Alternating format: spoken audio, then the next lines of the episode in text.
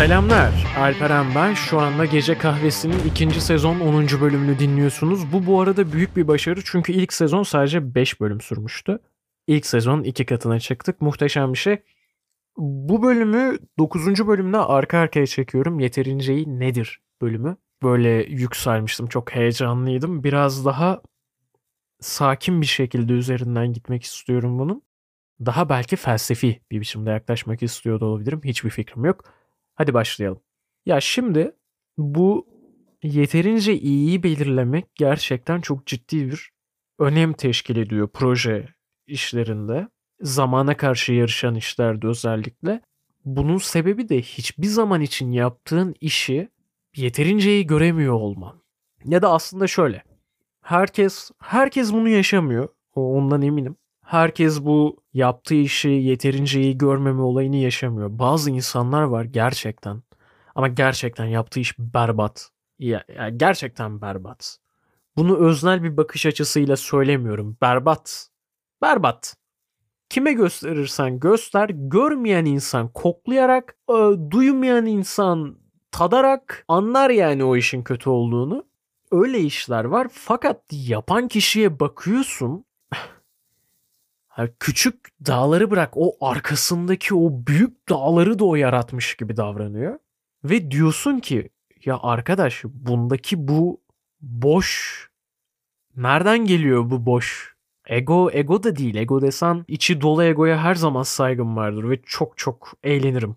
İyi anlamda eğlenirim. Egoist, iyi egosu olan insanlarla. Çünkü eğlenceli oluyor. Yani kendini beğenmişliği belirli bir seviyede tutabilen, altyapısı olan ve insan ilişkilerini, psikolojiyi anlamış insanlarla uğraşmak gerçekten çok keyiflidir. Buna karşın içi boş, kendini bir şey sanan o kötü egoya, gerçi o zaten ego da değil ki o aşağılık sendromu. Aşağılık sendromu olan insan çekilmiyor hocam. O bambaşka bir olay. Konuya döneyim. Ya bu berbat bir iş yapıp dünyadaki en iyi işi yaptığını düşünen adam bir köşeye veya insan bireyi bir köşeye bir de gerçekten belirli bir seviyenin üstünde iş çıkartıp bu işi yeterince iyi görmeyen insan ayrı kulvarlarda fakat ne hikmetse her zaman için ha, tam belki her zaman için değil ama çoğunlukla berbat iş çıkartıp gerçekten iyi bir iş çıkardığını düşünen insan biraz daha avantajlı oluyor. Çünkü çünkü sayıcını aktifleştirelim. Standartları yüksek olan insan yaptığı işi hiçbir zaman yeterli görmediği için artık nasıl bir standartı varsa ilerleyemiyor bir yerde. Fakat yani yaptığın iş belirli bir seviyenin üstünde hocam. Ne yapıyorsun ya? Bir kendine gel. Kendini niye bu kadar harap ediyorsun? Tam bu noktada çok güzel bir input vereceğim. İçgörü, fikir katacağım. Ben bir önceki bölümde bahsetmiştim ya sizlere. Hiçbir zaman için yaptığım hiçbir işte Türkiye'deki yerel insanlarla, sanatçılarla değil her zaman globaldeki işlerle kıyasladım kendimi. Daha doğrusu onları baz aldım diye. O gerçekten çok kıymetli bir olay. Onu bir köşeye koyalım. Bir diğer taraftan da kaliteli olan şey neyse, standart neyse ve estetik olarak da iyi olan neyse anlayabiliyorsun bir yerde. Ya kulağına güzel geliyor, ya gözüne güzel geliyor, ya baktığın zaman ağzın açık kalıyor. Nasıl an, anlatabilirim bilmiyorum. Fakat baktığın zaman sende saygı uyandıran, belirli bir duygu uyandıran şeyler genelde iyi ve güzel şeyler oluyor. Bir de bunun üstüne yıllarca en iyi işleri izleyerek, görerek büyüdüğün zaman veya duyarak büyüdüğün zaman otomatik olarak senin guston, senin standartların yükseliyor. Onların seviyesine geliyor. Böyle olduğu zaman da Yeni başlayan biri olarak asla kendini yeterli hissedemiyorsun. Sen 20 yıldır Hollywood'da ışık yapan bir ışık şefinin ışığını yapamadığın için kendini paralıyorsun. Halbuki yaşıtlarınla kıyaslasan ya da bu işi yapan diğer insanların ikinci yılıyla kıyaslasan belki gerçekten çok iyisin. Bu konuşmanın bu konuşmanın çok benzerini biz Barış Hoca ile yapmıştık. 2021'de Ratem'e biz geri döndüğümüzde ciddi bir yetersizlik hissediyordum. Yaptığım hiçbir şeyi beğenmiyordum. Bunun sebeplerinden biri az önce bahsettiğim o işini çok iyi yapan insanlarla kıyaslama. Yani bir insan kendini gidip Roger Dickens'la kıyaslayınca otomatik olarak hiçbir zaman zaten yeterli hissedemez. Abi Roger abi gibi göremiyorum. Ha yani ay bir zahmet. Deneyim tecrübeye geçtim. Yetenek veya kişisel yani o Roger Dickens tamam mı? O Roger Dickens. Hiçbir zaman Roger Dickens gibi yapamazsın. Yapmamalısın da. Şimdi bu başka bir şey. Tamam Roger Dickens Hollywood'daki bir görüntü yönetmeni. Wow adam fersah fersah ileride o bambaşka bir yerde. Okey. Ama Türkiye'ye bakıyorsun Koray Birant var. Koray Birant gibi bir ismin olduğu yerde de kendini bir zahmet yetersiz hisset. Tamam. Ama şimdi diyeceksiniz ki ya işte Koray Birant da yıllardır bu işi yapıyor. Çok doğru. Koray Birant bunun üzerine benim yaşım kadar bir kariyere sahip. Tamam hadi bunu da öyle eledik. Hadi Koray abi yıllardır bu işi yapıyor. Ee, yani benim yaşım kadar tecrübesi var falan filan. Tamam. Abi benim birlikte çalıştığım hocalarım Hollywood seviyesinde görüntü yönetiyor ya. Bizim Barış Hoca'yla kendi kendimize çıkarttığımız her işte özellikle zaman çok ciddi bir zaman sınırımız yoksa veya bambaşka insanları ikna etmekle uğraşmıyorsak yaptığımız her ışık, her deneme direkt olarak böyle bir abi bu ya neyle çekildi? Kim çekti bunu? Kim yaptı bunun ışığını? Bu hangi projeye? Yerli mi bu? Yabancı mı? Ne yani bu? Seviyesinde. Öyle olunca ben çok şey oldum. Ya dedim iki yıldır buradayım hala Barış Hoca gibi ışık yapamıyorum. Hayır beceriksizim. Barış Hoca da farkına vardı olayım sadece Barış Hoca da değil. Yani hani kıyasladığım insan sadece Barış Hoca da değil. Barış Hoca'yı söyleme sebebim Barış Hoca'yı mentorum olarak görmem, maestrom, üstadım olarak görmem. Ve hem görüntü yönetmenliği hem kurgu hem ses ya tam bir rönesans kafasında ilerliyor oluşu onun da. Haliyle istemsiz şey oluyorsun. Ya böyle nasıl diyeyim hocam bakın işte bu ışığı sizden daha iyi yaptım değil de hocam bakın eh, bu ışık nasıl ama falan. E, bir etkileme isteğinde bulunuyorsun. Buna rağmen ışık yapıp Barış Hoca gelip o ışığı düzeltip böyle hani tek bir dokunuş tamam mı? Belki bir 5 derece sağa çeviriyor ve bambaşka bir şey oluyor. Öyle olunca çıldırıyorsun içten içe. Ya ben nasıl bunu düşünemedim, ben nasıl fark edemedim veya ben niye bunu denemedim oluyor. Barış Hoca da bunları fark etti o dönem. Çalışma saatimiz bitmişti, mesai bitmişti. Çarşıya doğru gidiyordu Barış Hoca da atayım dedi. Dedim olur hocam. Muhteşem bir insansınız gerçekten. Orada bahsettim. Ya dedim ben kendimi hiç ilerliyor hissedemiyorum dedim. Ya kendimi ya dedim hocam niye ben böyleyim yaptım? Dedi nasıl böylesin? Ya dedim iki yıldır buradayım. İki yıl geçmesine rağmen hala da sizin gibi gelip sete bakıp ayaklarımı koyup sonra kafamı takıp ışığımı açıp şey yapamıyorum. Hadi çekime başlayalım diyemiyorum dedim. Tabii Şimdi bizim Barış Hoca ile ilişkimiz bambaşka. O yüzden nasıl aktaracağım o kısmı biraz evet üçüncü bir göz gibi anlatayım size. Arabadayız. Yanınızda her şeyi yapmak isteyen böyle bambaşka şeyler denemek isteyen bir tip var. Ve maestrosusunuz. Hani ya dediğiniz her şey o kişi için çok önemli tamam mı? Böyle bir misyon var, böyle bir vizyon var, böyle bir yük var Barış Hoca'nın omzunda. Ve şunun da farkında. Başka hiç kimsenin ne diyeceğini önemsemem. Umurumda olmaz. Hala da öyledir. Yoldan geçen birini veya Instagram'daki bir yorumu veyahut yani ne bileyim ne bileyim Roger Dickens bile gelip bana abi bu olmamış dese çok önemsemem. Ama sadece bu hani bu olmamış dese önemsemem. Bu olmamış Alperen çünkü şu şu yüzden. Fakat böyle böyle yaparsan çok güzel olur derse onu önemserim. O, o yapıcı eleştiridir. Tamam çok dağıldı. Bunu herhangi biri dese umurumda olmaz tamam mı? Yani bana ne? Hani sen kimsin ki? Niye senin görüşün benim için önemli olsun? Umursamak abi umur çok limitli bir şey. Gerçekten kimi umursayacağınız konusunda çok dikkatli olmalısınız. Çok ciddiyim bu konuda. Bakın 22 yıllık hayat tecrübesiyle ben bu noktaya geldiysem daha da ilerideki hayat tecrübesinde acaba ne olacak çok merak ediyorum. Neyse. Heh. Şimdi Barış Hoca da aşırı umursadığım bir insan. Bir şey söylemesine gerek kalmıyor. Bazen bir, bir bakışı, nefes verişini falan ben üstüme alınabilir ah diyorum lanet olsun. Adama hayal kırıklığına uğrattım. Aforoz edin beni. Bir düşündü düşündü. Olayın özüne indi. Şundan bahsetti. Alperen dedi ben kaç yaşındayım? Tamam. Ben kaç yıldır bu işi yapıyorum? Bu kadar zamandır. Çok güzel. Sen dedi kaç yaşındasın? Tamam. Sen dedi kaç yıldır bu işi yapıyorsun? Okey. Hani anladın mı yaptı böyle aradaki mevzuyu. Şimdi benim senin yaşın kadar tecrübem var. Senin daha o kadar e, senin de 2 yıl, 3 yıl profesyonel anlamda gerçek anlamıyla tecrübe. Niye kıyaslıyorsun veya niye 3 yıl 22 yıllık bir tecrübeyi 22 yıllık bir gelişimi 3 yıla sıkıştırmaya çalışıyorsun dedi. Ayrıca dedi 3 yılda işte 2 yılla geldiğin nokta o zamana göre gayet dedi iyi bir yer.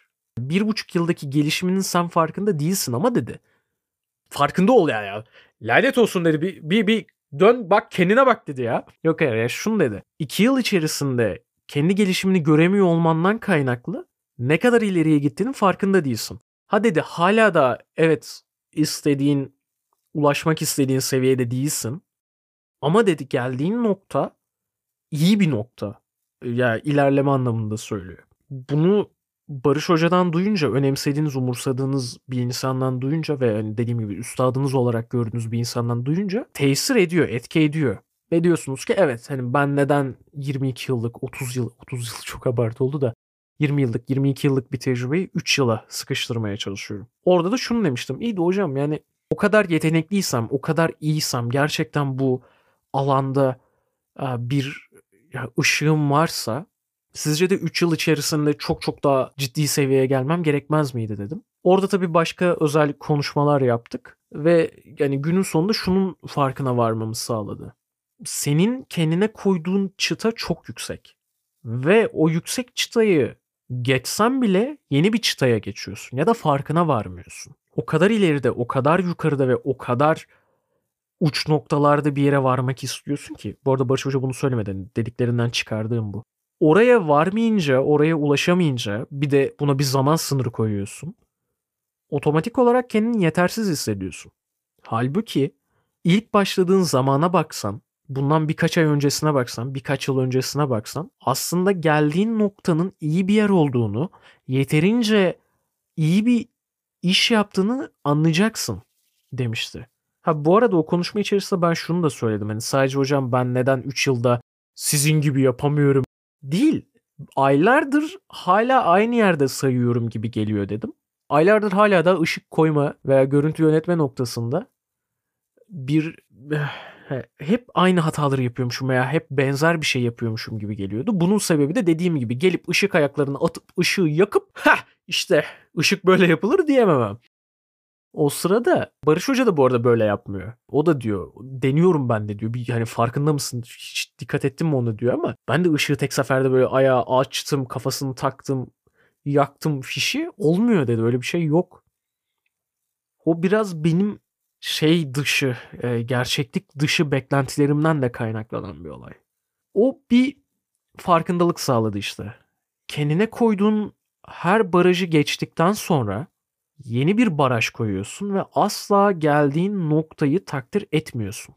Kendini asla yeterli hissedemiyorsun. Fakat şunu desem, şu an kendimle de konuşuyorum bu arada. Evet, şu an bir önceki yıldan daha iyiyim.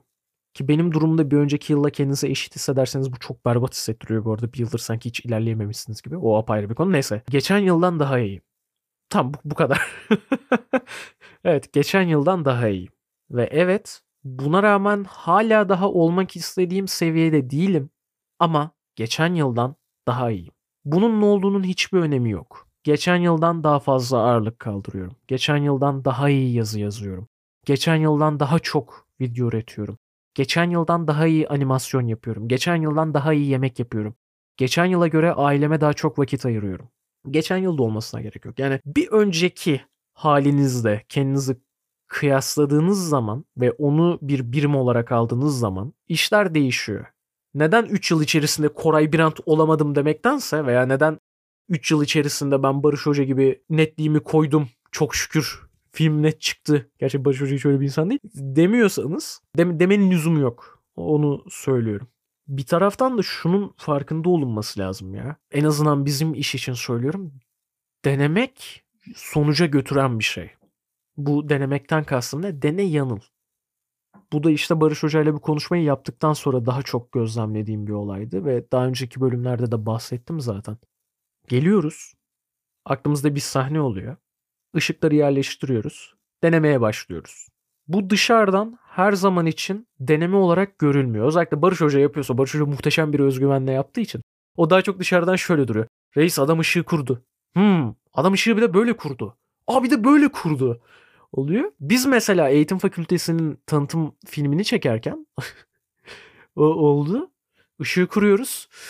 Ee, hadi bir değiştirelim. Hadi bir de şöyle kuralım. Hadi bir de böyle yapalım. Bir süreden sonra bu dışarıya artık beden dilimizden mi geçiyor? Büyük ihtimal beden dilimizden geçiyordur. Veya kendi iç iletişimimiz belki dışarıya yansıtıyordur. Çok özgüvensiz geçiyor. Beceremeler, ay amatörler falan. Halbuki ne zamandı eğitim fakültesi çekiminde olduğunu eminim bunun. Bir saatte mesela biz atıyorum ışığı bir saatte yaptık. Tamam okey. Ka- kafi bir ışık yaptık. Barış Hoca aynı gün o ışığı 3,5 saatte falan yaptı. Buradaki kıyas şey değil hani biz bir buçuk saatte iş çıkartıyoruz Barış Hoca üç buçuk saatte iş çıkarttı değil abi. O üç buçuk saat boyunca o adam o sınıfı oradaki hocaları oradaki bütün böyle taş taşlı insanları kontrolü altında tutabildi ve kontrolün hala onda olduğunu hissettirdi. Ha bizim gibi ya ışığı denedik olmadı mı bir de böyle deneyelim ah ne kadar berbatız olmadı onda. Dedi ki bu ışığı deneyeceğim. Yani tabii Barış Hoca'nın iç sesinin nasıl olduğunu düş- bilmiyorum. Fakat şöyledir büyük ihtimalle. Işık böyle denedim. Hmm, bu olmadı. Bir de böyle deneyeyim. Hmm, bu da olmadı. Bir de böyle deneyeyim. Bu sahneye, bu çekime en uygun ışığı bulmak zorundayım. Ve bunu bulasıya kadar devam edeceğim. O sırada büyük ihtimalle böyledir veya buna yakın bir şeydir. Veya belki hiç hiç düşünmüyordur o sırada. Çünkü işinde belirli bir seviyeye gelmiş olan insanların iç sesi çok böyle çalışmıyor. Daha içgüdüsel hareket etmeye başlıyorsun. Çok düşünmüyorsunuz. Mantığınızla hareket etmiyorsunuz aslında. İçsel olmaya başlıyor. Yine mantıkla hareket ediyorsunuz. Mantıkla hareket etmiyorsunuz derken aktif bir şekilde bilinç üstünde bunu bu kadar düşünmüyorsunuz. Daha çok bilinçaltınızda bir sürü sistem dönüyor artık. Gözünüz, gördüğünüz şeyler, estetik bulduğunuz şeyler, bildiğiniz hesaplamalar, carçurt. Ona mesela bu yıllarda ben yavaş yavaş gel- gelmeye başladım. Artık gözüm kapalı fotoğraf çekebiliyorum dediğim o. Gözüm kapalı da çeksem birçok estetik kuralına uygun oluyor. Fakat biz aynı ışığı kurarken benim içimden geçen ses şu. Hmm, ışığı böyle kuracağım ve olacak. Ah olmadı. Ee, hadi bir de böyle kurayım. Ee, olmadı. Eyvah. İçerisi çok sıcak olmaya başladı. Aa, Hadi hızlıca şuraya koyayım. Aa, ayağım çarptı. Aa, ışığa takıldım. Aa, hocalar çok şey bakıyor. Çok vakitlerini yiyorum. İnsanların zamanını harcıyorum. Hayır yeterince değilim. Allah'ım imdat. Oluyordu. Ay. Ne kadar yüklenmişim ya kendime o dönem. Ha tabii şimdi bu iç ses dışarıya yansıyordur artık bir şekilde yansıyordur. Bir buçuk saatte de o ışığı çıkarsan Barış Hoca'nın gelip 3 saatte o ışığı çıkartması tabii ki de aynı etkiyi yapmıyor. Fakat aslında ikimizin de yaptığı şey aynı. İkimiz de or- orada daha iyi ışığı, daha iyi sahneyi daha iyi yansıtacak, daha iyi duyguyu verecek, daha farklı olacak olan şeyi aslında bulmaya çalışıyoruz. Tabii burada ben neden 10 dakikada bulamadım diye kendimi berbat bir insan olarak sayarken Barış Hoca büyük ihtimalle böyle bir şey düşünce içerisinde değil. O şunu düşünüyor. O ışık bulunacak. Ne kadar zaman harcandığı umurumda değil abi. O ışığı bulacağız. Bekleyin. Zaten bu işi sizin için yapıyoruz. Veya ya tabii bu, bu benim çok şey yapmam. Teatralize etmem. Konuları daha akılda kalıcı olması için. Hmm. Evet ya bundan evet bundan bundan bahsedecektim. Böyle, bir olay vardı. Barış Hoca da bundan bahsetmişti. Çok da bende yer etti o konuşma. Ve ne zaman kendimi ciddi anlamda benden daha ilerideki olan insanlarla kıyaslamaya başlasam ve bir yetersizlik hissetsem bir arkaya bakıyorum. Diyorum ki bir yıl önce, 6 ay önce, 3 ay önce, bir hafta önce bu noktada değildim. Şu an o noktadan daha iyi bir noktadayım ve daha da iyi bir noktaya gideceğim. Bunu nereden biliyorum? Çünkü bunu pratik ediyorum. Her gün olmasa bile düzenli olarak her hafta, her ay belki de bunun pratiğini yapıyorum. Demek ki ileriye doğru bir süreç var. Ne kadar yavaş olduğunun, ne kadar istediğiniz gibi olmadığının hiçbir önemi yok. İleriye gittiğiniz sürece önemli olan ileriye gidebiliyor olmanız. Ha tabii ki burada yine dış kıstaslar önemli. Rekabet belki tam anlamda kötü anlamda rekabet değil. iyi anlamda bir rekabetin olması iyi. Mesela atıyorum Koray Brandt kadar iyi fotoğraf çekiyor muyum? Hayır. Ama zaten e, kıyas sistemin sınıf arkadaşın veya okuldaki en iyi fotoğrafçı arkadaşın değil de Koray Birant olunca bu arada bunlar hani farazi örnekler. Sen o seviyeye oynamaya başlıyorsun. Senin kıstasın arkadaşın olunca veya işte lokal olarak en iyi olunca hocam kusura bakma da evet, o kadar da ileriye gidemezsin. en iyiyi kıstas olarak al. En iyiyi geçeceğim diye. En iyiden daha iyi olacağım diye bir düşünce yapısında olduğun zaman oraya oynuyorsun. Bu benim her zaman işime yaradı. Ve özellikle bu yetersizlik hissini en azından iş anlamında, profesyonel anlamda yetersizlik hissini de kontrol altına almaya başlayınca daha da işime yaramaya başladı. Yeterince iyiye geliyorum. Bunu oraya bağlayacağım. Yeterince iyi nerede duracağını bilmekten geliyor bir yerde de. Dediğim bir önceki bölümde demiştim ya verilen son teslim tarihi içerisinde istenilen duyguyu uyandıran işi yapan iş yeterince iyi bir iştir demiştim. Biraz o aslında bahsetmeye çalıştığım. Senin için yeterli olmayabilir. Fakat amacına ulaşıyorsa eğer o iş yeterince iyi bir iştir. Konu bağlayamadım farkındayım. Biraz daha bağlamaya çalışayım. Belki bu bölüm uzun bir bölüm olabilir. Yaptım. Elimden gelenin en iyisini yaptım ve insanlar bunu beğendi. İzletiyor, dinletiyor, beğendiriyor, okutuyor, e, ağız sulandırıyor artık nasıl bir iş yapıyorsanız yeterince iyi olması gereken. O okey. Zaten yeterince iyi sınırının ötesi sizin kendi sanatsal, sanatçı egonuz mu desem artık, sanatçı kişiliğiniz, karakterinizle alakalı bir olay. O noktada artık başkaları için yapmaktan çıkıyor olay. Yani işi yapmaktan çıkıyor, kendinizi tatmin etmeye dönüyor. Mükemmeli oynamak. Bunun sebebi de iş ve ben bir bütünüz felsefesinden geliyor. Yine kendime çeviriyorum burada olayı. Benim öyle bir düşüncem var. Ben ve işim bir bütünüz. İşim beni, ben de işimi te- temsil ediyorum. Teslim ediyorum. ben işimi, işim de beni temsil ediyor. O yüzden yaptığım her iş mükemmel olmalı. Bu düşünceden dolayı zaten ne yaparsan yap yeterli hissedemeyeceksin de bir de bu düşünceden dolayı hiçbir şey çıkartamamak var. O işte o bambaşka bir olay. Orada taviz vermeye başlamak lazım. Kendini işinle nitelendirmektense, onunla bağdaştırmaktansa kendini kendinle bağdaştırmak, bir insan olarak bağdaştırmak daha iyi. Veya yine işinle mi nitelendireceksin abi? O zaman şunun ayrımını yavaş yavaş yapmak gerekiyor. Ben ajansla çalışırken onu yapmaya başladım. Commercial işte yani para için yapılan veya müşteri için yapılan veya regular iş yani normal iş de tamam mı? Sanatsal iş, kendin için yaptığın iş, portfolyo işi veya artık nasıl diyeyim yani kendi yaptığın iş bambaşka işler. Bunların ikisini ayırman gerekiyor. Bunların ikisi birbirinden farklı şeyler. Özellikle portfolyo işi. Ama müşteriye yaptığın iş, ajansa yaptığın iş ya bir başkasına yaptığın iş diyeyim. O'nun jürisi, onun değerlendirme noktası, onun kriteri o insan. O insanın seviyesi. Kendinden birazcık bir parça kat ama hiçbir zaman için mükemmelliğe yani kendi standartlarında mükemmelliğe zorlama. Asla. Değmez. Öncelikle değmez. Onu onu o konuda bir kararlaştıralım. Çünkü iş günün sonunda. Ben hiçbir ekmekçinin oturup da lanet olsun Gordon Ramsay gibi çıkartamadım dediğini düşünmüyorum. Onun amacı o ekmeğin çıkması. Yeterince kıtır olması, yeterince içinin yumuşak olması, işte yeterince e, altın renginde olması diyelim hadi. Yanmaması mesela. Yeterince iyi bir ekmek. Onun kekiğinin bol olması, baharatının güzel olması, çiğdemli olması, carçurt o artık bambaşka bir olay. Sanatsal işlerde çok öyle olmuyor. Çünkü sanatçı kimliğin artık senin kişiliğin zaten o olduğu için orada bir çatışma çıkıyor hocam. Yüzde yüzünü vermediğin zaman en iyi olduğun iş yani en iyisi bu ben en iyisini çıkartmadığım kafasına girdiğin zaman kendini de o iş kadar değerli görüyorsun. Çok hastalıklı bir olay bu. Bunu aşabilmek çok önemli. Aynısı mesela revizyon için de geçerli. Revizyonu kişisel algılamak. Ya ben çok boktan olduğum için revizyon yiyorum. Hayır. Revizyon yemenin sebebi o işin müşterinin damak tadına uymuyor oluşu. Müşteri senden mantarsız pizza isterse mantarsız pizza yapacaksın. Mantarlı yiyeceksin lan bunu diye zorlamanın bir anlamı yok. Veya sen mantarlı yollarsın. Müşteri mantar sevmiyordur. Mantarı çıkartır. Bu da olabilir. Bak olabilir. E o zaman ya ben berbat bir aşçıyım demiyorsam bir müşteri mantar çıkarttığı için veya mantarsız istediği için bunu kişisel algılamıyorsam onun damak tadına göre algılıyorsam Aynısı bu kreatif işlerde de böyle olmalı.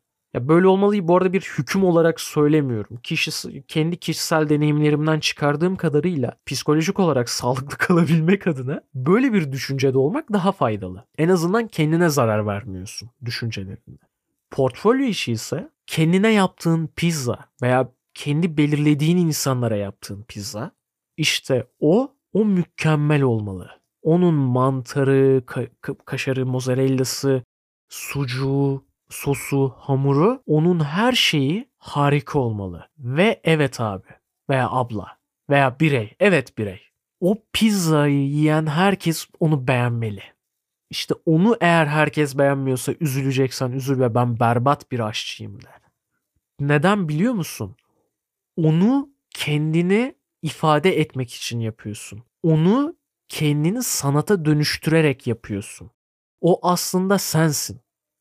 Çok garip oldu. Aslında kendini yediriyorsun diyeceğim şimdi.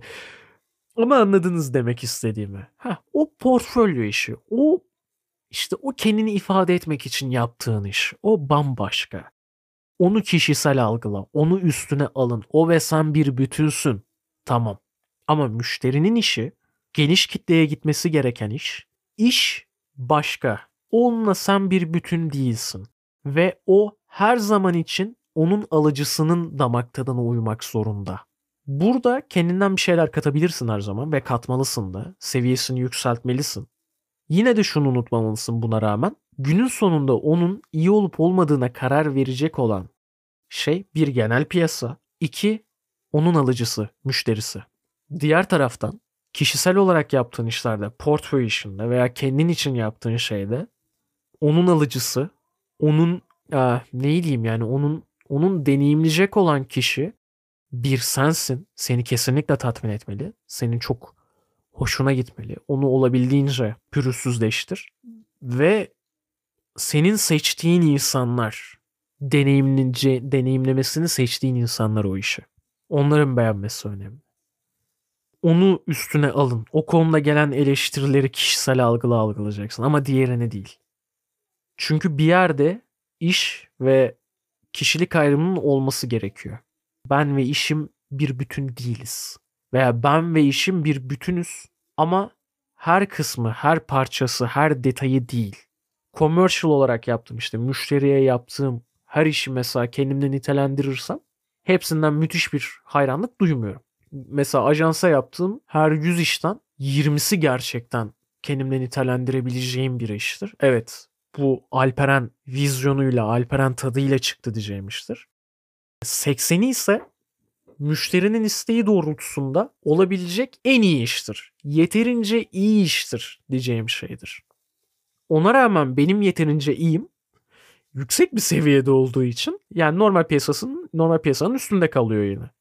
Kendime çıkarttığım işlerse zaten ayda yılda bir çıkartıyorum YouTube kanalıma bakarsanız. Onlar mesela işte orada iş değişiyor. Onların hepsinin Alperen vizyonuyla Alperen yapmış bunu tadında çıkması gerekiyor. Çünkü onları kendime yapıyorum. Onlar benim bir parçam. Onları kendim için üretiyorum. Onları kendimi ifade etmek için üretiyorum. İşte o zaman orada iş değişiyor. Bir de şu var. Yaptığın işi yaparken bir yerde doyuma ulaşman lazım. Yani bir yerde yeterli hissetmen lazım artık. Bence bu iş daha ileri gitmez dediğim bir yere gelince daha ileriye gitmeyi zorlamamak gerekiyor. Çünkü bir yerde artık teslim etmen lazım. Çünkü hiçbir şey yapmazsan ilerleyemezsin zaten. Mevcut konumunda, mevcut yerinde ya tamam bu yeterli deyip bence makul. Bence makul artık. Her pikseliyle, her karesiyle uğraşmanın bir anlamı yok. Hissettirmek istediklerimi hissettiriyor mu? Hissettiriyor. Uyandırmak istediklerimi uyandırıyor mu? Uyandırıyor. Tamam. Bu artık görevini tamamlamış ve olmuş bir iş. Bak yeterince iyi veya mükemmel demiyorum. Olmuş diyorum. Bana göre bu iş olmuş. Shipliyorsun abi. Çıkartıyorsun o işi elinden. O ilk birkaç gün veya ilk bir iki hafta o iş, o çıkarttığın şey, o olmuş dediğin şey gerçekten olmuş oluyor. Yani o an, o süreçte senin yapabileceğin tüm kaynaklarını, tüm bilgini, deneyimini, tecrübeni, know-how'ını kullanarak ortaya çıkartabileceğin en iyi iş o. Fakat o bir iki haftadan sonra o işin eksikliklerini görmen lazım. O olmuş dediğin şey olmuş. o olmuş olur dediğin şeyin bir iki hafta sonra eksikliklerini görüp böyle olsa daha iyi olurmuş. Veya hmm, bak bir sonraki işte bunu bunu ekleyebilirim. Böyle yaparsam daha da iyi olur. Bunu bunu eklersem daha da iyi bir iş çıkartırım kısmına gelinmesi gerekiyor. Ki bu sayede üstüne koyarak, iterasyon yaparak ilerleyebilesin. Bizim Sezer'in klibinde yaşadığımız olay buydu. Zaten Sezer'in klibi bir taraftan da bende bir kırılma oldu. Çünkü çıkarttığımız dönemde wow'tu bizim için. Gerçekten sadece sokak ışıkları ile çekilmiş bir klibe göre prodüksiyonlu duruyordu. Wow'du. Ee, şimdi dönüp baktığım zaman yapabileceğim tonca farklı şey görüyorum. Ki bu çok normal. Ama benim şu an bunları görebilmem için o klibin çıkması gerekiyordu. O klibin bir noktada olmuş bu deyip çıkarılması gerekiyordu. Evet, yeterince iyi konusu hakkındaki düşüncelerimin daha sakin, daha felsefik olduğu ve daha yine Ratem alakalı olduğu Barış Hoca'dan bahsedildiği bölümünün de sonuna geldik. Ben Alperen. Bana sosyal medyadan ulaşmak isterseniz instagram.com slash alperen.catak adresinden mail yoluyla ulaşmak isterseniz de aalperencatak.gmail.com adresinden her zaman ulaşabilirsiniz. Evet kendinize çok iyi bakın. Hoşça kalın. Görüşürüz. Kaçao.